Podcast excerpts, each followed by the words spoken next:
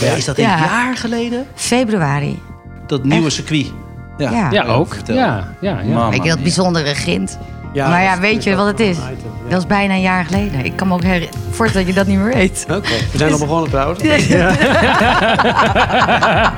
Als de tune loopt. Als de tune loopt zijn we begonnen. Vanuit de bar van Coronel Kart Racing in Huizen is dit de Autowereld Podcast. Met aan tafel autofan en autowereld eindbaas Karen van het Net. Presentator en coureur Tom Coronel. En presentator Andreas Pol. Vol gas, alles over auto's. Maar Jan, Jan, Ja. wij zijn heel blij dat je er weer bent. Want we hadden het net al even over. Oh. Bijna een jaar geleden. Ja. Vorig jaar, februari. Ja. Of eigenlijk dit jaar, februari. Jij had het over de Formule 1 die in mei zou plaatsvinden. Ja. Ja. Nooit plaatsgevonden. Nieuwe baan. Nog, nog niet, nee. Alles, alles, we hebben het erover gehad. Dus het gaat dit jaar gebeuren. Waarvoor zijn we hier bij elkaar? Eindelijk weer een leuke podcast. Althans, gaan we vanuit. Ja. Jan ook weer van de partij. Tom Ja. van de partij. Andreas. We gaan het hebben over Dakar. Jij hebt vijf keer meegedaan. Ja. En daar gaan we het over hebben. Tom gaat over eh, Dakar praten. Binnenkort vertrek jij. Ja. ja, Jan, jij bent er dit jaar niet bij, hè? Nee, nee, vorig jaar ook. Ik ben, ik ben daar ook Laatste, ja, tweede jaar. klaar mee. Dat, Ja. eh, Je bent er klaar mee. En we gaan het hebben over de, de, de autosport en dan over het racen. Jullie hebben allebei eh, twee kinderen. Ja. Die eh, heel... Drie. eh, ja, drie? Oh, drie. eentje die weet je, daar wist ik niks van. Oké, je, je bent drie. Maar in ieder geval die in de autosport zitten. En dan ga je alles vertellen van, goh, eh, is dat kostbaar? Eh, zie je dan tale- talent in je eigen kind? En, eh, en, en hoe support je dat? Dus eh, nou, ik zou zeggen, eh, even vragen. Wat heb jij al in die korte tijd gedaan? Nou, in die korte tijd, ja. Bij, in bijna een jaar Ja. kan je heel veel doen. Maar, maar laat ik zeggen wat ik net, want daar ben ik, vind ik leuk dat jullie zien, want daar ben ik heel enthousiast ook. Ik heb gisteren mijn track day gedaan, maar voor het eerst met een open pitlane. Kijk, ik ben natuurlijk gewoon een soort van mega kleine amateur eh, autosporter. Maar ik, ik heb altijd een beetje vrijrijden gedaan. Dan heb je zo'n sessie en dan sta je te wachten. Dan mag je 20 minuten de baan op. Ik heb nu een soort van een beetje, ja, jullie trainingsdag ervaren. Dat je gewoon in de pitlane staat. Nou, wanneer je moet en wanneer je weer, ja, dan ga je weer. En totdat je weer moe bent en denkt, oké, ik moet even mijn remmetjes checken. Heb ik daar nog genoeg op zitten? Ik vond het helemaal briljant. Nat assen, droge assen. Ik had helemaal naar mijn zin. Jan, wat, waar, hoe heb jij je de laatste paar eh, maanden vermaakt? Nou, we hebben wel een. eh, in de lockdown hebben we wel een maandje of drie even niets kunnen doen. Ehm, en dan ben ik maar thuis een beetje gaan eh, klussen en noem maar op. Dus alles is netjes opgeruimd en helemaal strak. Help, mijn man is klusser? Was het een ja, zoiets. Ja, ja, ja. En eh, ja, toch vrij snel. eh, het was geloof ik in mei. Toen konden wij alweer beginnen met karten in Italië. Hè, dus dat, eh, dat was mooi. We hebben ook eh, hef- eh, René, we hebben het over mijn jongste, die is 12. Ik heb nog twee kinderen. De zoon van Rayan, die is, eh, of mijn oudste zoon uit mijn eerdere huwelijk, die is 23. En mijn Maar die doen allemaal al een autosport. Nee, nee, nee. Oh, dat Voetbal. Nee. Rayan toch voetbal? Eh, Rayan is, is heel erg van het voetbal. Ja. Maar eh, de, de, de karten gaat hem ook heel goed af. Eh, maar, eh, Appel valt niet ver, ver van de boom, zo'n dingetje. Nee, en uh, Sumaya, mijn, eh, mijn dochter, is de oudste van allemaal. Die, die woont al eh, nou, bijna 20 jaar in, eh, eh, even kijken, nu, iets minder, 18 jaar woont hij in Orlando. Orlando. Oké. Dus die is klaar met de studie en die gaat hartstikke lekker. Dus dat is allemaal leuk. Maar, eh, nee, maar die na heb de- je dan een tijd ook niet gezien, Nee, denk nee, ik. nee. Ik eh, zal in januari eh, kan ik daar weer heen. Ja. Dus dat eh, wel eh, heel vaak contact. Maar, eh, nee, maar ik heb dus eh, vooral eh, in die periode... eh, gelukkig zit hij op een school in... eh, in eh, eh, hij zit op het Haarlemmermeer eh, Lyceum. Ehm Haarlemmermeer Lyceum. Eh, ik zeg iets niet goed. Maar in ieder geval, eh, hij, hij zit... eh, Hij zit wel op school. nee, hij doet... hij doet Ik, ik ken de naam ook niet van, eh, van mijn zoontje school, hoor, Jan. Nee, Schaam je nee. niet. Nee, maar ik, ik dacht van met lyceum zeg ik iets verkeerd. Maar daar eh, doet hij VWO, tweetalig. Dus dat is een eh, eh, tweetalig topsportbeleid. Dus dan is dat in samenwerking Oh, wat met de goed. KNAF en eh, met NOC en NSF eh, heb je daar een, eh, een topsportcoördinator. En die, eh, ja, die doet dat fantastisch eh, bij ons. En daardoor kan hij eh, zowel in het buitenland valt hij onder die topsportregeling. Daarom kunnen we daar überhaupt heen. Daar gaan we het zo meteen En nog, eh, ja. nog veel Ja. meer over Ja. hebben. Tom, wat heb jij in die laatste paar maanden allemaal gedaan? Wauw, ik heb eh, het seizoen ingehaald. Ik Oh. ben eigenlijk eh, gewoon eh, negen weekenden achter elkaar alleen maar aan het racen geweest. Ik begon met de allereerste race in Portimao, de 24 uur race. Eh eerste internationale race die gehouden werd ter wereld van Creventic. Eh, heel gaaf. Eh, veel getest voor het wereldkampioenschap toerwagenseizoen.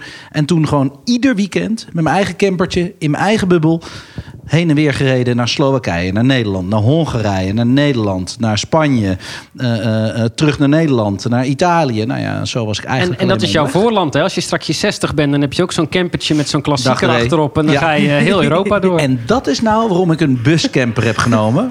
Want niet dat een ding, slaapcamper. 180 pk, zeker. Er zat ook wel een bed in, maar ik heb er nooit in geslapen. Het was meer een kleedruimte die ik had op de. Oh, dat 180 loopt hij, ben ik achtergekomen. Oké. Het snelste kleedhokje van Europa. En straks kan je dan eh, met zo'n zo'n Goldwyn eh, Honda, hè, Ja. met eh, helemaal onder de tato's en zo'n leren Ja. eh, jackies onder. Maar heel even nog, eh, voordat we over Dakar tekst, gaan eh. hebben. eh, Tom, hoe is jouw eh race-seizoen bevallen? Hè? Nieuwe auto, hoe, kun je daar iets over ik zeggen? heb met eh, Audi RS3 het wereldkampioenschap gereden. Met de Honda Civic het Europees kampioenschap. Begin van het seizoen erg sterk. Ik, eh, in de helft van het seizoen eh, stond ik zelfs tweede in het wereldkampioenschap. Eh, laatste drie races veel probleempjes gehad. Aandrijfasje stuk, versnellingsbakprobleempje. Maar uiteindelijk gewoon lekker gescoord. Ook een race gewonnen in Slowakije, jawel. 48 jaar oud, grijs en kaal en wint nog een wereldkampioenschap raceje. dus dat was ook wel weer even mooi. Mijn moment of fame even gepakt. Europees kampioenschap twee keer tweede geworden op Spa. Nee, ik, ja, ik denk Nou, een goed seizoen dat is eigenlijk voor jou geen slecht seizoen. Nee, ik denk dat dit mijn beste seizoen van de laatste vijf jaar is geweest. En jij. Kaar, jouw afgelopen periode? Ja. Ja, ja. Nou, ik heb niet uh, gesimraced. Ik heb ook niet in een nieuwe auto gereden. Nee, ik... Ja, gewoon... Ja, Ja, je bent heel druk Werken. bezig geweest met programma's. hè? Hard gewerkt. Ja, ja, ja, ja. programma's. Maar we gaan het over hele andere leuke dingen hebben. We gaan het over Dakar hebben. Tom, eh, Jan, eh, jullie... Jan, jij hebt vijf keer Dakar gereden in de vrachtauto. Dat vind ik heel interessant. Tom, jij gaat binnenkort weer Ja. rijden samen met Tim. Klopt, achtste Eh tas al gepakt, alles al geregeld. Ja, eh. ik, ik zou nu moeten zeggen ja, maar dat gebeurt het eh, uur van tevoren. Ehm, dat is helaas het standaardprobleem, denk ik, bij autosporters. Die zijn niet zo heel goed met voorbereidingen. Maar ja, we hebben wel weer zin in. Tim is heel druk geweest met de auto bouwen. De auto is een goede 200 kilo lichter weer. We kennen de auto, we hebben er natuurlijk al drie keer eerder mee gereden. Ja, dat vroeg ik maar af, hè, want hij wordt elk jaar lichter. Ja, Op een gegeven moment kan een auto niet te licht zijn. Ja, dat, dat, dat lijkt zo. Kijk, je moet, je moet de- de, de onderdelen die de kracht moeten opvangen, de klappen, ehm, ja, die, die kan je niet lichter maken. Want anders dan maak je hem, eh, ja, maak je hem te zacht, gaat, gaat het te veel stuk. Maar nee, dat hebben wij niet gedaan. Het is echt, echt gevonden op plekken waar je van je denkt... Hè, waarom hadden we dat niet al drie jaar geleden gevonden? En dan, ja, dan zie je dus hoeveel ruimte er nog is. Ja, mooi avontuur. Ja, maar dat geloof ik. Maar zoals Jan, jij hebt het vijf keer gedaan, hè, van 2010 tot 2014. Ja. Kijk jij dan nu ook, omdat je daar heel veel affiniteit mee hebt? Of, of, of zeg je, nee, dat was echt toen heel Valt leuk, mee. maar nu heb ik er iets minder mee? Ja, valt mee. Ik ben een enorme doener. Eh, dat, dat, ik, ik kijk media ook nooit terug. Of eh, eh, noem je dat, interviews of wat dan ook. Ik, heb, ik ben erg iemand die... in ik leef in het moment. Deze en nu vind ik dit. kijk je, die luister je wel terug, toch? Nee, podcast- absoluut ook niet. Nee, Tuurlijk nee, niet. Op repeat, Nee, eh, op repeat nee. heb ik uit betrouwbare... Nee, zeker niet. En eh, eh, dat, dat, eh, nee, wat ik zeg, ik leef heel erg in het moment. Ik vond eh, Dakar toen fantastisch. Ik, ik dacht dat ik hem zes keer gedaan heb, maar dat kan verkeerd zijn. Maar eh, ik heb ook Oh. nog een keer de, de, de volgauto gereden. Oh, dat stond Maar in nee, ik vond het super om te doen en een hele aparte ervaring. Ik, zou, hem- ik, ik, ik heb hem ook alleen maar met de vrachtwagen gedaan. En na die ervaring ben ik er ook van overtuigd van nou, daar zou ik hem ook alleen maar in doen. Want eh, Tim en Tom die doen natuurlijk eh, gewoon eh, het andere meest extreme. Hè. Dat is natuurlijk vrij licht werk en dat is echt buffelen. Dus- hoe, is, hoe dus, is dat eh, vrachtautoverhaal eigenlijk ontstaan? Want ja, Frits van Eert die, die, die zou zo zelf meedoen met de Jumbo vrachtwagen. En die zat toen net in de overname van C1000. Maar dat lag beursgevoelig natuurlijk. Dus hij moest aan de ene kant voor de organisatie van het Dakar-team... moest hij iemand hebben op stand-by. Aan de andere kant moest hij discreet zijn ten aanzien van zijn beursgang. Dus eh, ik voelde mij toen heel eh, vereerd dat hij eh, mij daar toen toevertrouwde... van nou, hè, wil jij stand-by staan? En ik had er altijd al over gedacht van... nou, het lijkt me leuk om een keer te doen. Niet in Noord-Afrika, want dat vond ik helemaal niks... Maar Zuid-Amerika, daarvan dacht ik echt van nou, dat is een superleuke omgeving om, om te doen. Dus toen hij zei van nou, eh, zou jij willen enzovoort, toen zei ik al ja voordat hij klaar was. Maar was je dan getraind? Want ik bedoel, ik kan, ik- bedoel, stel ik zou mijn vrachtwagenrijbewijs hebben en iemand belt me morgen, Had jij je vrachtwagenrijbewijs? Nou, ik heb eh, destijds eh, in de jaren tachtig heb ik in Engeland mijn rijbewijs gehaald. En daar zat deze bakwagenrijbewijs zat erbij. Want ik heb, Oh. hè, dus, dus, dus chauffeursdiploma en dat soort dingen had ik allemaal niet. Maar ik had, ik had wel in ieder geval... eh, dus ik was, ik was Ja, nou volledig maakt hij bezig. zijn zin niet af. Je had wel in ieder geval ervaring. Nee, nou, nee ik, had, ik had in ieder geval mijn, eh, mijn rijbewijs. Ja, ja, dus mijn. Engelse rijbewijs. En Ja, inmiddels, eh, Maar geen ervaring met een vrachtauto.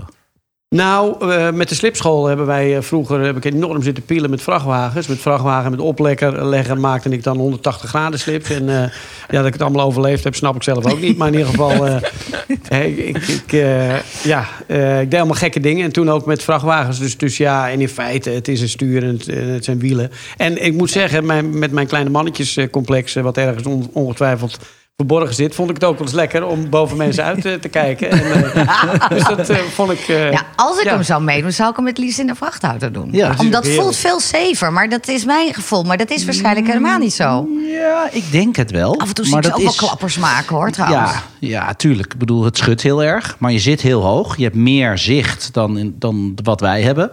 En je hebt zoveel kracht met zo'n vrachtauto. Het enige enge vind ik over die duinen heen dat je kan omvallen. Ja, ja, Ja. maar goed, dat, dat, Dat- ja, ja. dat heb ik zo vaak gedaan, zo langzamerhand. Wat, het omvallen of over de duinen gaan? Ja, nou, de eerste keer dat ik eh, die arme Frits... eh, ik had zijn truc geleend. En halverwege de, de, de, de wedstrijd kwam hij met een paar gasten... kwam hij daar naartoe. Eh, naar Mendoza. Maar eh, daar zette ik die auto voor het hotel neer. En, eh, Hij ik was herkende al- hem niet meer. Ik was al een keer linksom gegaan en rechtsom Er stond nog gegaan, weet Umbo stond er op de zijkant. En toen eh, ben ik ook een keertje met de auto van eh Wuf van Ginkel... ben ik voorover gegaan met testen in, in Marokko. Dus alleen achterover heb ik nog niet gedaan. Maar goed, dat, dat, eh, Dan moet het duin een beetje stijler over. zijn. Ja. Ja. Ja, Ja, maar het is, het jullie is die energie. Die Ja, maar- energie gewoon. Maar moet je dan gewicht. niet wennen? Ik bedoel, even gewoon, jij komt uit de gewone auto, Ja. dan ga je in een vrachtauto. Ik kan mij dan voorstellen dat je dan moet wennen even. Nou, je moet even, even kalibreren, zeg maar. Omdat eh, ik was gewoon, ik ging zitten. En ik ging gewoon, ik, ik deed wat ik altijd deed, van A naar B. Zo snel mogelijk. En dan gaat het nog niet snel genoeg. Eh, probeer je gewoon te gaan zitten en gaan. Maar ja, al heel snel kwam ik erachter dat je, je moet eerst wel even het respect hebben voor het gewicht. Ja. En, eh, en voor het parcours en noem maar op. Want, want als je het heel even verkeerd inschat... eh, ja, je ligt in no time eh, lig je gewoon op zijn kant of op zijn dak of wat dan ook. Dus dat heb ik wel even moeten leren. Dus toen ik ook de auto van, eh van Wuf van Ginkel eigenlijk voorover had gerold... toen dacht ik van nou, hier moet ik gewoon kappen. Want, Want dit- ja. ja. dit is gewoon niet mijn ding. Maar ja, dus degene daarna ben ik toen gaan rijden... met het idee van nou, ik breng hem nu terug zonder een krasje erop. Ehm, en toen ging het, dan eigenlijk, eh, ging het eigenlijk best wel redelijk. Dus, Want eh, reed jij alleen, hè? Tom, jij rijdt... ik reed niet alleen hoor. Nee. Oh, jij- sorry, jullie- zelf. Ja, nee, maar ja, jullie sorry, ja, deed, ja. maar ik bedoel, wisselde jij af met je navigator? Dat doe jij bijna toch? Ja, nou ja, nou, Tim en ik kunnen natuurlijk elkaar afwisselen. Ik denk dat daar het voordeel is. Kijk, Jan heeft in een vrachtauto heeft hij een mechanic een, eh, eh, een, en een banden, eh, ja. navigator. Ja, Ja, ja. en dat zijn echt een banden of een, een, een monteur en een navigator. Mhm. Klaar, die kan je niet aan het stuur zetten. Dat is bij Tim en ik natuurlijk andersom. Of andersom, eigenlijk hetzelfde. Want wat Tim voelt, dat voel ik ook. We zijn alle twee autocoureurs. Alleen ik ben wat preciezer. Dat is de reden waarom ik ben gaan navigeren. Is eigenlijk gewoon per ongeluk geboren. Maar Tim heeft vaak zat gezegd: joh, hier, stap in, ga jij nu rijden, doe ik het navigeren wel. Nou, dat hebben we dus een keer gedaan. En toen zei hij ook op de T-splitsing rechtdoor. Oké, wordt lastig. Ja, dat vond ik ook. ik denk even kijken of jullie wakker zijn. En toen zei ik, zeg. Tim, T-splitsing rechtdoor. Dat klopt niet wat je zegt. Jawel man, het staat hier toch? Ik zeg, laat zien dan. En dan liet hij het zo zien. Ik zeg, oh, T-splitsing rechtdoor. Het ontwaarde op. Ja, dat bedoel ik. Ja, maar dat zei je niet. nou ja, toen zei ik, oké, klaar. Laat mij maar dat navigeren doen. En ik vind het niet erg. Als ik naast Tim zit, ik voel hetzelfde. Ik heb dan alleen het stuur niet in de handen. En het gaspedaal. En ik, die flow dat hij door die duinen heen gaat, dat vind ik zo vet. Dus ik vind het goed. Ja, maar dit jaar ga ik rijden.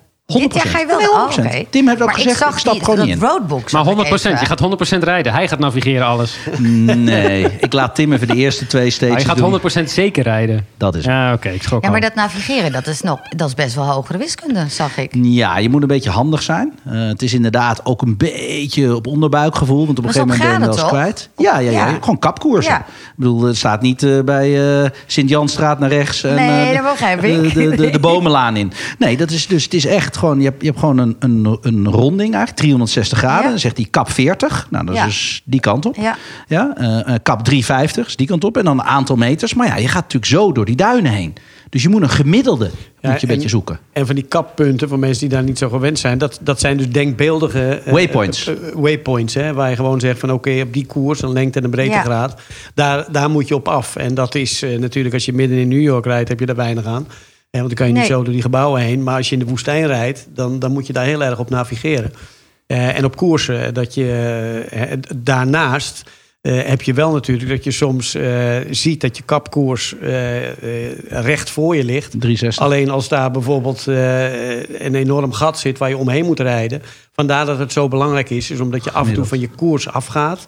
en ja. dat je dus wel gevoel houdt met eh, waar je weer op terug moet komen. En even wat anders, hè? want we hebben dan met Zandvoort hè, eh, eh, Natura 2000 eh, eh, gebieden en zo. Eh, kennen we dat daar dan tijdens Dakar? Want je hebt Ja, gewoon die absoluut. kapkoersen staan. En een hartstikke mooi natuurgebied. Absoluut. Ban je er gewoon doorheen? Nee, zeker niet. Dat is, dat is echt eh, super not done. Als je Ja. daar paaltjes ziet met bijvoorbeeld de rode... Hè, dat is een speciale markering is daarvoor. Geloof ik, dunne paaltjes met rode vlaggetjes. En daar moet je echt gewoon eh, 20 km per uur... eh, is dan al hard. Maar dan moet je echt stapvoets doorheen rijden. Er zijn zelfs mensen die een bekeuring. Ja, nou, je krijgt niet alleen bekeuring... maar je bent gelijk gedisqualificeerd. Als je daar specifiek te hard rijdt, ben je gelijk de sjaak. ja. Ah, kijk, nou, dat is zelfs zo erg geweest dat Kees Kolen... die is daar toen een keer er doorheen gereden. Dat Ja. was zo'n speciaal eh, eh, eh, gebied wat helemaal beschermd werd en noem maar op. En eh, die wilden ze oppakken. Dat heeft de organisatie weten te stoppen. Dus nee, en, en heel Dus simpel, hij had het niet dezelfde gezien. organisatie als de Tour de France. Hè? Dat klopt. Ja. Ja, Ja. daar Ja. zo. En ik Ja. denk ook eh, over dat navigeren, wat, eh, wat ik in het begin eh, wat ik moeite mee had, is dat, ik bedoel, wij, wij, wij racen normaal op de baan, dus ben je heel visueel ingesteld. En dan ben je natuurlijk helemaal in charge. Hè, je bepaalt zelf wat je doet, wanneer je doet. En echt puur visueel, vooral in de regen en dat soort dingen. Maar nu in één keer ben je aan het rijden en er zit constant iemand doorheen te praten. Ja. Eh, en en eh, zo, zo ervaar je eigenlijk die navigator. En die gaat Ja. jou dan vertellen van je moet dit, je moet dat. Ja. En, En, je- en- je hebt eigenlijk één groot gebied, één vertrouw, vlak maar en je kijk, klaar. krijgt dan, ja, maar het zijn soms momentopnames. Dus als je dan, hè, vooral met zo'n vrachtwagen, als je dan 150, 160 rijdt met een ton of 10 eh, bij je, dan krijg je die momentbeslissingen dat je moet, moet denken: moet ik dit, moet ik dat? Dan, dan als je gewoon je leven lang gewend bent te doen wat je gevoel doet, eh, dan is het heel gek om dat gevoel los te laten en dan te doen wat je navigator zet. Ja. Hè, dus dat is, eh, dat is best, best lastig. En vooral eh, met Maar je moet eigenlijk blind vertrouwen eh, op iemand. Kijk, Ja. nou is Tim jouw broer. Ja, het is een combi. Ja, nou, ik zou dit denk ik echt ook alleen met Tim kunnen doen. Want je moet echt diegene wel begrijpen. Eh, Ik bedoel, je krijgt ook af en toe natuurlijk een beetje woordenwisseling onderweg. Maar daar je kan je niet lang over praten, want je moet weer verder. Ja. Dus eh, ik heb met Tim, eh, nou ja, vorig jaar was dat zo'n zo'n moment dat ik zei... Tim, hier, naar hier, Tim, wat ga je nou doen? Ja, nee, de sporen gaan naar links. Nee, we moeten rechtdoor. Nee, maar de sporen gaan naar links. Zeg, maar hoe weet je nou waar je naartoe moet? Dat staat hier. Ja, je hebt gelijk. Ik zeg, hup, hier omhoog. Maar er was hele grote rotsen waren dat. Ja, en, ik Tim, zag het. en Tim die zei alleen maar van, ja, dat kan niet. Niemand heeft daar ooit gereden. Tim, jij zegt dat die auto alles kan. Laat het maar zien dan. Die kant op. Nou, maar gaan we komen over het kammetje heen. Piep, de waypoint. Nou, het ging me helemaal uit ons dak. Ja. Want de rest waren we gewoon kwijt. Ik denk Ja. dat 15 man hadden ingehaald. Want die gingen helemaal de verkeerde kant op. Maar eigenlijk zeg je in de basis vertrouw je je navigator 100%. Dat kan ook niet anders. Dat moet ook wel.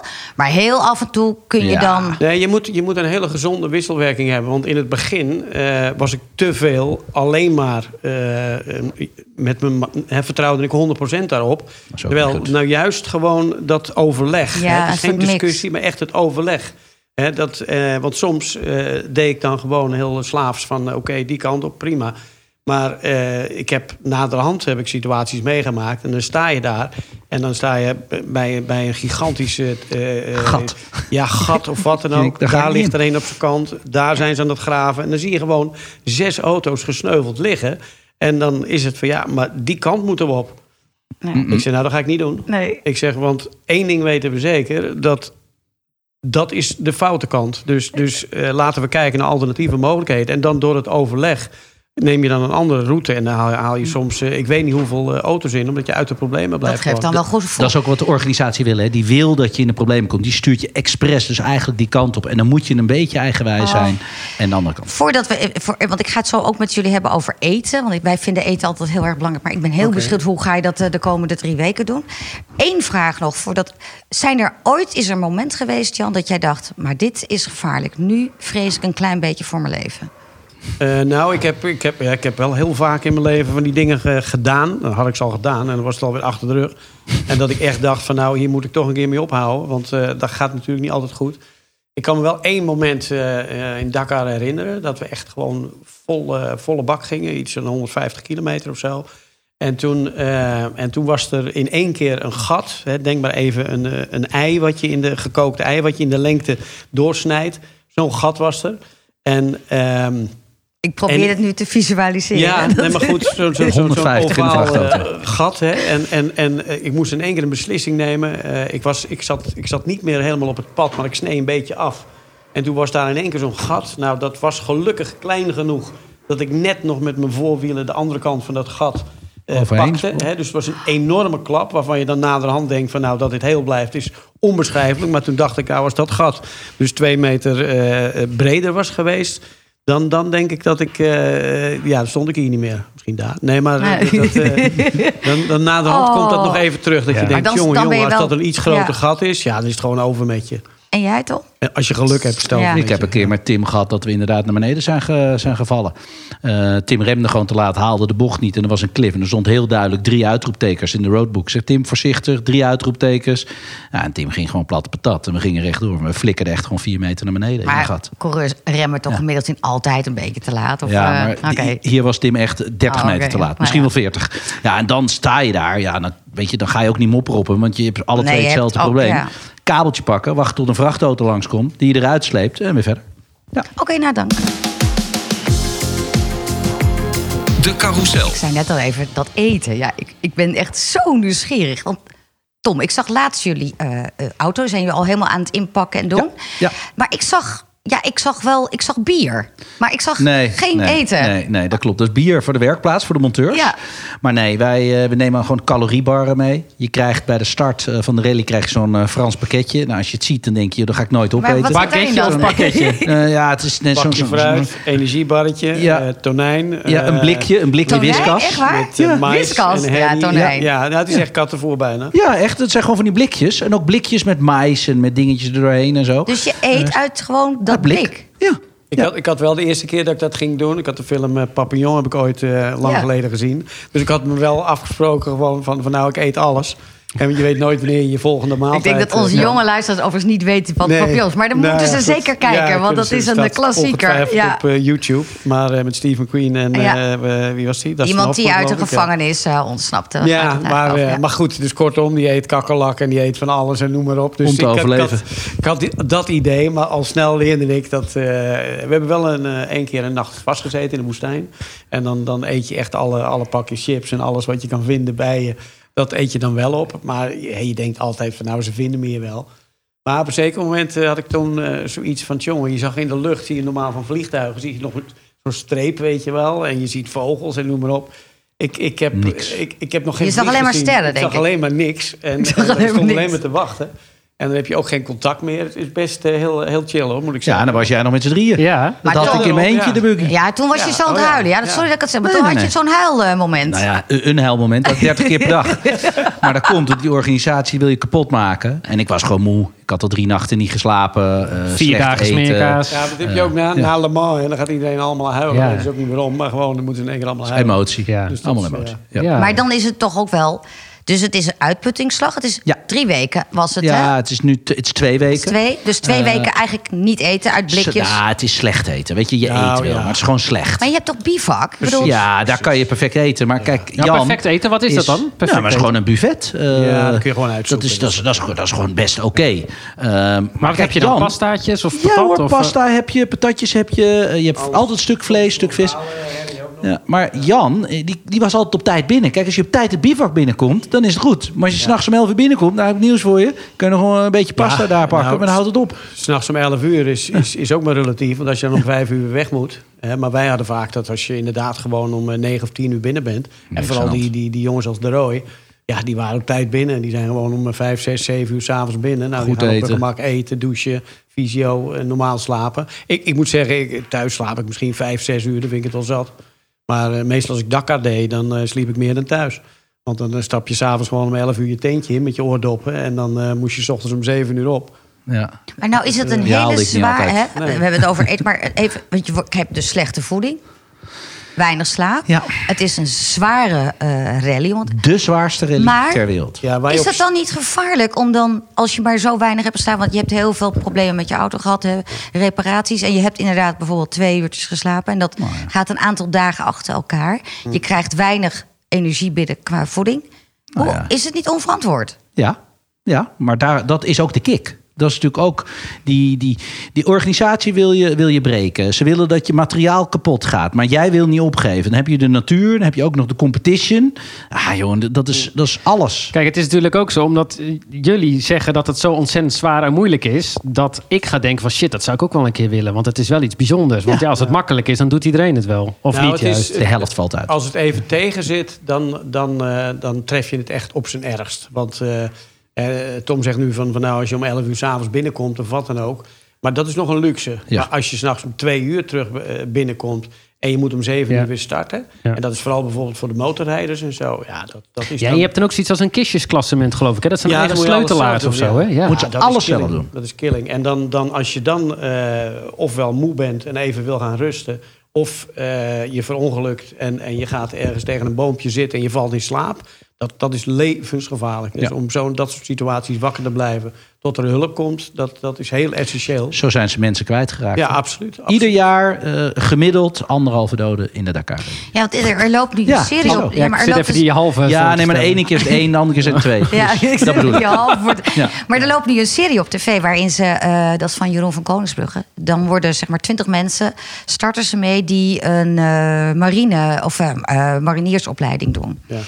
Nou, dat is gewoon echt heel bikkelen. Die laten ze drie dagen niet slapen. Ja. Je weet niet wat er dan na die derde dag gebeurt. Ja, Daar zij blijft wel, denk ik. helemaal niets meer over van Nou, mensen. Ze kunnen kijk, niet meer nadenken. Je moet, je moet niet vergeten dat eh, op het moment dat je, dat je eh, als je echt denkt van nou, ik, ik, ik kan niet meer hè, en ik ben echt helemaal stuk, dan heb je vaak nog twee derde te gaan. Hè. Dus mensen, Van, van de Oh reden. ja. mensen die knakken mentaal veel eerder dan fysiek. Hè. Dat is, eh, heel vaak heb ik minder sport eh, ook een beetje op kunnen beuren. Omdat je dacht van ja, eh, je bent wel moe nu. Maar als er nu oorlog was en je had niet te eten... en Ja, je had gewoon een hongerig doen? kind op je Ja. arm... dan kon je echt nog wel eventjes. Hè. Dus, dus eh, je moet het vaak ook niet dramatiseren voor jezelf. En op het moment dat je... hè, je, je kan altijd die knop weer omzetten... En dat slapen, dat komt wel weer. En, eh, hè, dus, dus ja, ik denk dat wij uit de sport... Hè, we hadden het net voor het programma er nog eventjes over... in de sportschool... En dat, dat, eh, hè, dat Tom zich eh, fysiek dan eh, misschien eh, wel onderscheidt dat hij wat minder is dan die mannen om zich heen. Maar mentaal zoveel verder is dat hij per saldo gewoon meer aan kan dan die mannen die daar zeg maar getraind Ja, hebben. Dus dat klopt. is wel vaak een heel Klopt. belangrijk issue. Wat zijn succesvolle lui binnen die, die dakken? Want hoe fit is, is iedereen dan? Want als ik een Jan de Rooij zie van vroeger, dan denk ik van ja, eh, m- Ja. mijn hemel. Begint iedereen heel hard. Nou ja, Ja, maar ja. Dit, nee, maar dat is, de, de vrachtwagenrijders ja, hebben het wat, wat dat betreft het makkelijkst. Want Absoluut, De auto heeft de meeste kracht. eh, dus dat, dat is zo. Kijk, toen in mijn eentje met een tweewiel aangedreven auto... mijn allergrootste vijand zou ik, het niet eens, zou ik het niet eens adviseren. Echt niet. Echt niet. Dat is klaar. Een motorrijder kan je dan eigenlijk tegen zeggen... ja, dat is dan het gevaarlijkste. Maar aan de andere kant... Als wij door die duinen aan ploeteren waren in mijn eentje met mijn buggetje... dan kwam zo'n motorrijder, pip, pip, pip, zo naast me... die doet even zo, die was denkt, weg. ja, ja. Dat is een crossmotor, die is gemaakt om in het zand te rijden. Dus weet je, ieder, iedere discipline heeft zo zijn, zijn, Maar zijn de- zwakte of zijn moeilijkheid. De doden vallen meestal in het motor. eh, ja, eh, die zijn gek. Ja. Levensgevaarlijk. Nou, ik, ja, ik, ik vind het heel eng. Ik zou het eh, nooit, eh, eh, nooit durven doen. Maar nooit ik vind-? Nee. Ook niet in een vrachtwagen? Gewoon lekker zo met z'n drietjes erin? Nee. Samen met Jan. Nou ja, het is het over. Oh, hey. We hadden, bij de opening hadden we even over het racen. Hè? Twee kinderen. Ja, je hebt dan meer kinderen, maar één kind dat heel zwaar in de oudsport zit. Eh, Tom, dat geldt voor jou exact hetzelfde. Eh, ik zou zeggen, Dre, jij wilde heel graag dit onderwerp eh, Ja. besproken hebben. Ja, ja. Omdat wij ook ontzettend nieuwsgierig zijn. Oké, en ik hoop dat jullie daar ons allemaal antwoord op gaan geven. Hoeveel tijd stop je erin? Hoeveel geld wil je daarover praten? Zie je dat je kind talent heeft? Tot hoe ver ga je dan? Nou ja, dat soort dingen. Ja, het is een beetje ontstaan eigenlijk vanuit volgend jaar Formule 1 seizoen. Dat we straks drie miljardairszoons aan de start hebben staan. En eh, ja, wat ik zeg, ik als amateurracer, ik bedoel, mijn hoop voor Formule 1 is wel eh, al een tijdje geleden gevaren. Maar de jeugd van nu, ja, heeft die nog kans om eh, Formule 1 terecht te komen? En nou ja, jullie dus met twee talentvolle zoons in de kartsporterij. Eh, Kartsportelerij. Wauw, wat een woord. ja. Ja. ja, Nou, dat, dat, eh, dat is een vraag die, eh, eh, die wij ons zelf ook af en toe stellen. Van ja, waar zijn we mee bezig? Hè? Want, want eh, wij zijn ook niet van het grote geld. Maar ik denk dat wij, wij koesteren ons gewoon in de gedachte... dat eh, de twee meest begeerde en de twee meest indrukwekkende rijders in de Formule 1 op dit moment... eh, die hebben wat al die andere rijders met dat hele vele geld graag zouden willen hebben. Die hebben gewoon de skills. En dat is Hamilton. Die had gewoon een vader die twee of drie jobs eh, moest eh, werken. En een Vauxhall Cavalier met een aanhangertje erachter. En die sleutelde zelf. Dus die zijn echt van een working class, van een arbeidersachtergrond zijn die gekomen. En ik weet niet of hij de half miljard al aangetikt heeft. Maar ik heb wel eens eerder gezegd, die verdient tegenwoordig meer geld met, met zijn Twitter- Twitter-account. Daar weten jullie meer van dan, dan met het autoracen. En daarnaast hebben we natuurlijk Max Verstappen. Kijk, Max die, die, die, hè, die was natuurlijk ook niet eh, armoedig eh, toen hij begon. Hè. Jos heeft natuurlijk ook een mooie carrière gemaakt. Maar al die centjes die, die, eh, of die, al die centen die hij daarmee verdiend heeft... heeft, heeft Jos toch met, Ja. met heel veel tijd en energie en al zijn geld in Max gestopt... om te zorgen dat het gewoon een goede opleiding was... En ja, natuurlijk, dat geld had hij dan wel. Maar het hele grote geld, wat bijvoorbeeld deze mensen als eh Stroll of Marsepin of noem maar op, eh, allemaal hebben, ja, dat hadden zij ook niet. Hè? Dus zij Nee. waren eigenlijk bij de Formule 3 al klaar. En toen heeft Frits van Eert van Jumbo ze eigenlijk weer verder geholpen. Hè, om die aansluiting te hebben. Daarmee zijn ze toen in de Formule 1 gekomen. Vandaar dat die relatie natuurlijk tussen Jumbo en, en Max natuurlijk gewoon heel oprecht is. Eh, en, en, eh, maar goed, dus ook niet met het grote geld. Hij heeft er ook gewoon met zijn skills alleen maar in kunnen komen. Maar dat was is ook omdat hij echt oppermachtig was in de kartingen. Hij Ja. heeft echt alles gewonnen Ja. wat er te winnen viel. Jos is all in gegaan. Maar- hij heeft dus echt ja. alles ingezet. waren andere tijden, want eh, in die tijd eh, kon, kon Max nog niet zo vroeg naar het buitenland internationaal rijden. Dat had met leeftijd allemaal te maken. Hè, dus, dus, eh, maar, maar Max, die, die, die, eh, ja, als je terug gaat kijken in de geschiedenis naar de prestaties van al die, die mannen, dan valt gelijk, eh, als je die gaat vergelijken, hè, dus ook de Gewoon de en cv's maar en alles erbij Als je pakt. allemaal gewoon die kartresultaten specifiek gaat bekijken, dan is er maar één die er gewoon uitspringt en dat is. Max. Ja. Maar als je het hebt over zeg je dan... ja, daar zit echt zo'n groot gat tussen, dat is Ja, bijna... het- weet je, hij had natuurlijk ten eerste de beste instructeur die hij kon hebben. Eh, Jos die deed ook al zijn, eh, zijn kart eh, als monteur zijnde, als de motoren tunen.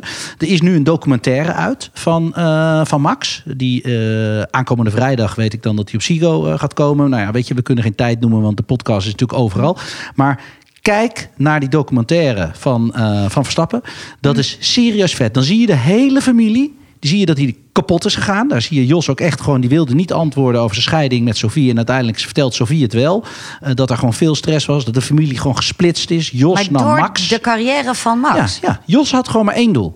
Max in de Formule 1 Maar brengen. je zegt net, hij had de beste leermeester. De beste. Wie zegt, vaak is het soms iemand van ietsjes verder af beter. Eh, nee. Dat je niet van je ouders... eh, Hij, eh, nou, als je ook goed kijkt naar die documentaire, dan zie je hoe streng Jos eigenlijk was. Maar Jos had natuurlijk veel fouten gemaakt. En dat kon hij natuurlijk eh, Max voor behoeden. Dus dat is één. Eh, Jos was zelf ook wereldkampioen karten. Dus die wist alles van die materie in die kartwereld. En Jos deed alles zelf. Maar die is zo precies. Ehm, ieder kartmotortje, ieder chassisje, ieder uitlaatje... wat hij ooit voor Max gemaakt heeft... die net eventjes anders, buigingje, een dingetje... 1 tiende per k, weet ik veel heeft hij nog helemaal vol staan in de loods. Heeft nooit iets weggedaan. Oké, maar dat hebben jullie, dat heb jij dan gezien. Je had het misschien nog niet gezien, want je leeft in dit moment hier en nu. Jij kijkt geen, eh, geen video's en. Nee, eh, kijk ik wel, maar niet van mezelf. Oh, ja. Oké, oké. het zijn Maar dit- andere video's. Maar, dit- maar dit is heel goed. Dan zien jullie dat. En dan weet je, oké, die gozer heeft de Formule 1 gedaan. Jullie, allebei twee talentvolle zoons. Maar Tommy, Ah, dat, van jou weet even. ik niet dat jij iedere keer een uitlaatje, een bochtje en een dingetje zelf zit te doen. Maar, Ik zit in het beginstadium. Daarom kijk ik nu naar Jan. Vertel maar eens even hoe jij dat nu allemaal doet. Nee, kijk, dit, is, eh, dit, dit zijn andere tijden. Hè. Maar ook in de Formule 1 zijn het andere tijden. Er zijn geen eh, mensen die motoren meer openmaken. Al die motoren zijn geleased. Hè, dus daar komen... McLaren kijkt niet eh, eventjes in zijn Renault-motor. Daar mag, mogen niet eens aan zitten. Hè, dus die worden geïnstalleerd en eruit gehaald. Nou, wij, wij hebben hetzelfde. Hè. Dat zijn, die motoren heten dan IAME of TM. in het karten. ja, precies. Ja. Of Vortex, dat zijn een beetje de namen die daar dan eh, zweven. Maar eh, dat zijn lease-constructies ook. Dus die motoren doe je zelf niet. Eh, dat zou je wel kunnen doen, maar dat, is, dat, dat doe je gewoon niet. Omdat als je die motoren leest bij, in ons Is, geval... om wat voor bedrag? En waar moet ik dan aan denken, Nou, zo'n dat, dat, leasebedrag? dat, dat is niet zo te kristalliseren, kom ik zo wel heel even op. Maar kijk, dus puur om, om wat het prepareren van die motoren betreft... dan moet je op een gegeven moment die verantwoording bij één iemand laten. Hè, bijvoorbeeld Hm. eh, de, de, Max Verstappen en, en, en Jos, eh, die zijn opgegroeid met de familie Pex. Hè, dus je hebt, je hebt Richard Pex en Stan en Jorrit Pex. Hè, dat is gewoon eigenlijk één familie. Die dat zijn halve, halve broers. En eh, heel vaak eh, liet, liet eh, als, als bijvoorbeeld Jos zelf bij ons A1 moest rijden... Dan, dan werd Max onder de hoede genomen door de familie Pex. Maar ja, die gaan ook niet op eigen houtje, houtje zomaar een motor die, die Jos gedaan heeft... even aanpassen. Dat zou dan in goed overleg kunnen... Maar kortom, één iemand moet verantwoordelijk zijn voor de preparatie van, van zo'n motor. Bij ons, hè, wij, hebben, wij hebben dan de fabrieks IAME-motoren. Dan moet je dat ook aan hun overlaten. Maar je kan wel je input gaan geven. Ehm, maar als het goed is, moet de expertise van zo'n fabriek al zover zijn... dat die voor jou uitgaat. Dat zij al komen met van nou, dit moeten we wisselen... want het ziet er niet goed uit. Dus wij zijn wat dat betreft goed onder de pannen. Wat prijzen betreft, ehm, eh, ik, ik denk dat eh, je begint ooit een keertje... eh, als, je, als je hier in Huizen bij Coronel wil beginnen, indoor... dan is indoor toch wel weer een andere materie dan, dan, dan outdoor. Dus mooi om hier te beginnen. Maar je kunt bijvoorbeeld in, in Lelystad of in Bergen... eh, of op Lanzaard of wat dan ook. Je hebt overal wel kartscholen waar je kunt beginnen. Dan moet je ervan uitgaan dat in je eerste seizoen... tussen aanhalingstekens als je bijvoorbeeld zo'n kartje aanschaft en met lessen en alles, met equipment erbij, dan hoe gek je het wil maken, zit je ergens tussen de 1000 en de 2000 euro. Dan heb je zeg maar. Per weekend. Nee, Ja, nee, nee, nee, nee, wacht even. Nee, nee. Dat, is, dat is Oh. gewoon instaplevel. Als je Oh, zo. vier of vijf bent, Ja. dan geef je in een winterseizoenetje aan les, aan kartje, aan die spullen ongeveer 1 tot 2000 euro Klopt. af. Eh, kijk, Maar dat dus per helmen- jaar dan? Dat is, dat is voor het eerste eh, de basis. Opstart. Nou, dan begin je, dan kom je. En dan ben je 7, 8 jaar oud of zo? Nee, 4, 5 hoor. Ja, 4, 5. Oh, nou, of- dan begin je eh, maar met een wat races te doen. En dat zijn allemaal nog races die zitten ergens tussen de 500 en de 1000 euro, wat je daar misschien voor kwijt bent. Dan, dan gaat het wel vrij, vrij snel, zodra je dan de grens overgaat. Hè, dus als je, je kan Nederlands kampioen worden, ik denk voor, voor misschien 2 tot 3000 euro per race weekend.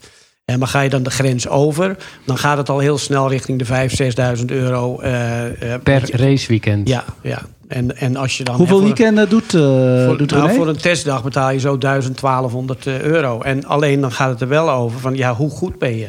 Want Ja. zo'n team wil graag eh, races winnen. Want als zij races winnen, dan krijgen ze de Krijgen frames gratis. Ja. Krijgen ze de motoren gratis. Krijgen ze de beste rijders van de hele wereld. Krijgen ze de mazenpinnetjes die ietsjes meer precies. betalen. Hè, dus wij vanaf 1 januari betalen wij eh, niets meer. Alleen reis en verblijf en, en hier en daar wat, wat, wat kleine dingen. Want dan worden jullie eigenlijk al gesponsord. Wordt jouw zoon ja, al ges- ja. Oh. Nou, hij, zei zelf, hij is stel- zelfs al niet meer transfervrij. Dus als wij Oh, nu dat- naar een ander, ander team willen... dan, dan moet heel veel geld eh, moeten wij betalen aan het team. Dus dat, dat is leuk, maar dat heeft, heeft hij zelf verdiend. En eh, eh, hij heeft al Oh, maar heel dat veel... is eh, mooi, toch? Ja, dus eigenlijk is hij professional geworden. Ja. nou, maar het is ook Ehm, wel... Het is de Hij leeft. Hoe oud is jouw zoon? Hij, leeft, want dat Hij is ben ik- 12 nu. Dat Ja. is echt wel... Nou, Ja, het, is, maar- het is de World Series karten.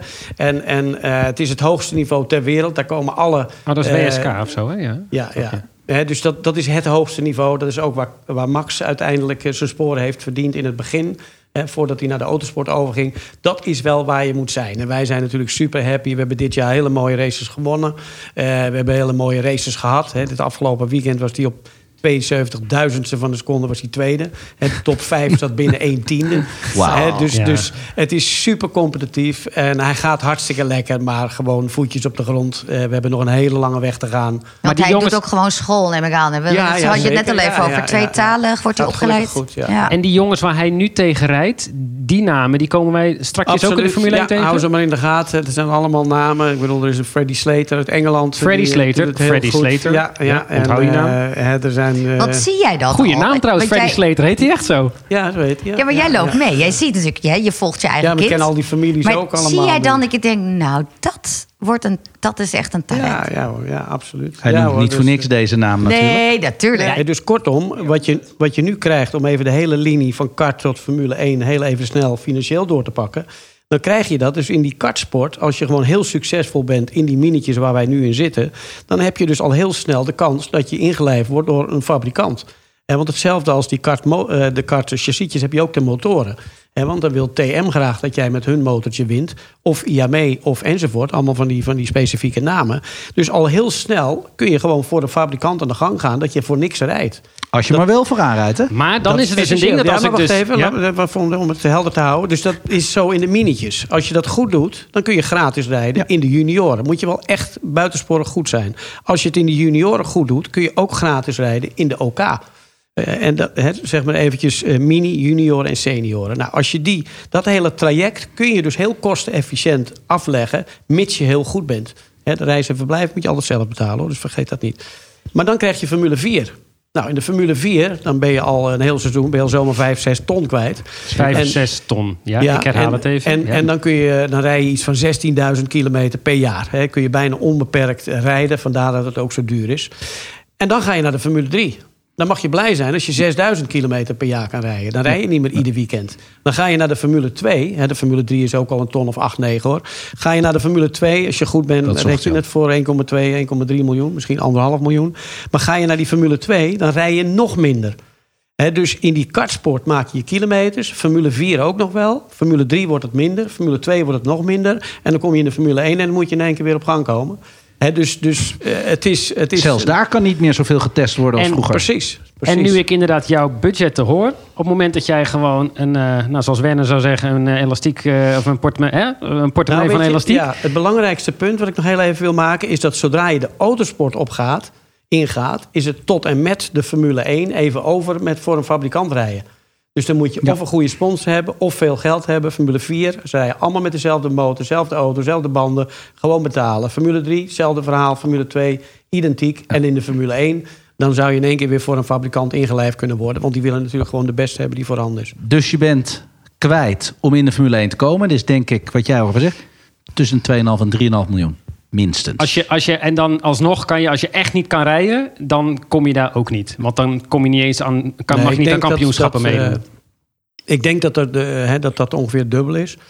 Eh, Oh. Dus, dus dat. Oeps. dat eh, oh, je rekent twee jaar. Ik reken echt ieder één jaar, één jaar, één jaar. Want dan ben je heel goed. nee, oké. Maar dan ga je vanuit dat je niet goed bent, want je hebt geld nodig om het te betalen. Nee, ik maar denk je, dat je met een miljoen of vijf, zes, dan, dan, dan als je heel goed bent, kun je dan tot de, de- het, het voorportaal van de Formule 1 komen. Maar, maar eh, ja, dat, dat- dan, moet, dan moet er ook wel net plek zijn. Hè? Dat is ook vaak zoiets. Goed. Oké. Wat wil jij weten? Yes, wat wil jij weten? De vraag van, eh, van jullie. Ehm, en eh, die vraag die we hier hadden, die vragen kan je overigens eh, opsturen via uh, of via Facebook of hier onder de YouTube-video, want we zijn natuurlijk ook op YouTube te zien. Stel daaronder je vraag. En deze vraag, die hebben we nog ehm, uiteindelijk, stond, daar stond bij, voor als Jan weer in de podcast is. Dus nou ja, die is weer in de podcast. Ehm, die is van Job Berends uit Haarlem. En ehm, eh, die zegt, ehm, eh, hoe zit het met de toekomst van de Formule 1 op Zandvoort? En dacht ik, oké, wat is de vraag? En toen zei hij, nou ja, en hoe zit het met de al gekochte kaartjes? Dus misschien dat het daarom dan eh, is. Ja, dat is een onderwerp wat al redelijk vaak aan de orde is geweest. Maar Heeft de kaartjes. Ja, nou ja, ik weet het niet. Maar in ieder geval, de kaartjes die, die bleven gewoon geldig natuurlijk. Er was een periode dat mensen gebruik konden maken van een, een, hun geld terugvragen.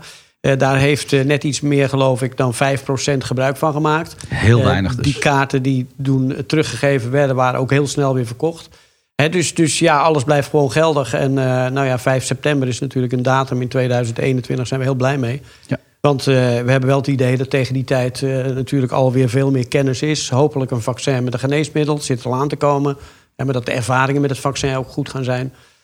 Maar goed, in, Nederland moet je heel even afwachten natuurlijk. zijn gevoelige dingen. Hoe gaat het straks met de distributie? Hoeveel komt beschikbaar? Hoeveel, eh, hoe, eh, wanneer komt het beschikbaar? En, en, eh, en hoe, hoe werkt het? Dat, dat zijn allemaal dingen die moeten we toch nog heel even afwachten... voordat we daar een compleet oordeel Maar daarom is er wat meer safety ook. Want het, is, het was in mei eh, Ja. en nu is het in september. Dus het is wel echt gekozen om het publiek ook een kans te kunnen Absoluut. geven. En het, Ja. eh, het warmteseizoen verdwijnt toch eh, een klein beetje meer eh, achter in het jaar. Dus wat dat betreft, eh, het is net na de vakantie. Dus, dus mensen kunnen lekker plannen, eh, gewoon hun dingen doen. Hopelijk eh, snel weer. En, eh, en eh, de bezoekers die krijgen nog meer waar voor hun geld eigenlijk. Met, de met de W-series er nog bij. Ja, absoluut. Ja, tuurlijk. Hè. De Women's Touch, eh, die willen we er altijd bij hebben. Eh, met onze eigen Bijtske Visser natuurlijk. Die Ja. eh, ook, ook eh, vroeger in de kartwereld al heeft laten zien... dat ze van die mannen heeft kunnen verslaan. Volgens mij hebben ze tegen Bottas en Russell nog gereden. Of Russell in ieder geval. Dus dus die zat er altijd goed bij. Dus die weet in ieder geval de, ja, dat ze die mannen aan moet kunnen. Het is heel dubbel voor Bijtske, want die, die zit het liefst in een klasse waar ze die mannen ook kan verslaan. En nu is het alleen maar vrouwen onder elkaar. Dus, dus wat dat betreft, eh, zij wil nog wel meer uitdagingen dan alleen dit. Maar het is in ieder geval, eh, voor, voor nu is het gewoon prachtig. En eh, ja, we, we willen er echt een familiefestival van maken. Dus dat de dames goed vertegenwoordigd zijn, dat is lekker. Ja, en Bijtse geeft serieus gas. Was Ja. mijn teamgenoot eh, op de 24 uur van de Nürburgring. Nou, Dat zag ik inderdaad. dat was ja. heel vet om dat te zien. Weet je, gedreven. eh, maar, en ook ging gewoon uh, expres natuurlijk even kijken op de moeilijke punten. Of ze daar ook een beetje, eh, een beetje wist eh, hoe ze het gaspedaal moest intrappen. Nou, ik heb nieuws voor je. Ik heb hem moeten aantrappen. Want die, die gaat echt goed. Dat Nee, zegt hij gaan niet we meer vaak van hè, horen. als het over een vrouw gaat. Oh, nee, je bent ook altijd heel enthousiast over je eigen vrouw, Pauline. Ja, maar ik vind gewoon vrouwen die racen, ik, ik hou daar wel van. Weet je, tegen die mannen opboksen is niet makkelijk. Ehm, wij zijn natuurlijk allemaal mannetjes. Hè? Eh, Ja. Zo werkt dat gewoon. Valt Zijn dat dan ook vrouwtjes of niet? Nou, jawel, jawel. Er zitten er zeker een paar bij dat je denkt van... nou, er zit de borst op, maar je had ook een man kunnen zijn. Ehm, nee, ja, ik, ik, ik hou er wel van om dat ook gewoon te zien. En dan in de eigen pool. Kijk, het is ook een beetje show. Ehm, ja, dan vind ik dat, dat de vrouwen... die zijn wel kwijt op de startgrid. Huppatee, racen jullie met z'n allen. En ze doen het minstens net zo goed, want het ziet er gewoon goed uit. Ja, Niet zoals bij het voetballen, hè? Stefan, onze presentatrice. Ook? Ja. Stefan, ja, die, die was bezig voor de W-series. En zouden eigenlijk ook thuis horen. Dat meen ik. Ja. ja. Jan, mag ik je bedanken voor deze hele interessante en informatieve podcast over Dakar. Het leven van, van hoe je jong leert racen, wat dat kost. Eh, Een klein inkijkje in eh, wat je zelf allemaal meemaakt. Maar nou ben ik heel nieuwsgierig. Wat ga jij de komende twee, drie maanden doen? Nou, eventjes eh, dit jaar eh, even evalueren. Van, van nou, eh, en eigenlijk eventjes een beetje op orde brengen dat je dat af kan sluiten. Maar eh, ik ben al, vanochtend heb ik mijn eerste mailtjes voor volgend jaar alweer gedaan. Om dat goed voor te bereiden. Oh, dat is in Dus, ieder geval op tijd. Nee, maar gewoon ook om het hele kartseizoen voor René in. eh, want het is toch eh, een redelijk serieus traject wat we ingestoken zijn. Ja. En ik, ik noem net allemaal grote bedragen, maar het meeste moeten wij natuurlijk ook extern eh, ophalen.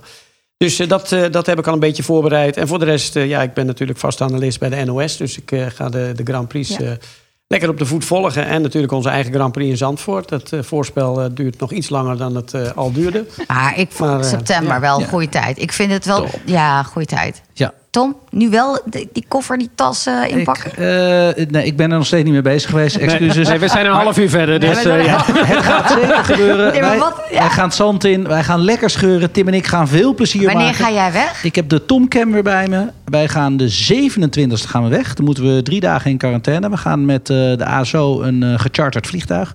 Dus alle rijders bij elkaar. Dan eh, op een hotelkamer dus drie dagen zitten. Worden we weer getest. Ja, dan hoop ik dat we even twee dagen de duinen in kunnen, Tim en ik. Om het autootje aan te voelen. En dan gaan we gewoon 14 dagen knallen. En dan ben je terug wanneer? De ze- 18e. Zo, Nou.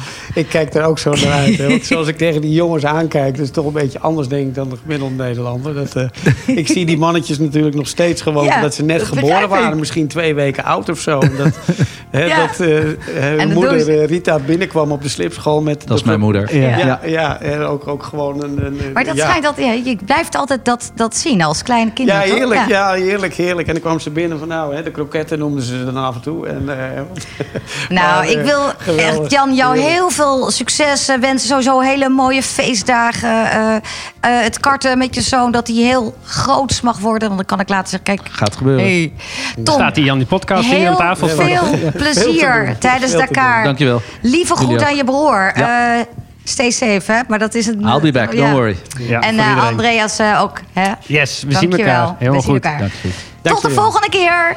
Ja, en als jij de, via YouTube kijkt, hè, nou, abonneer je dan ook op onze Autowereld podcast. En dat kan via alle mogelijke podcastkanalen. En als jij via de podcastkanalen luistert, weet dan dat we ook op YouTube te zien zijn. Dus dat kan je dan allemaal daar zien. Tot de volgende. Doei doei.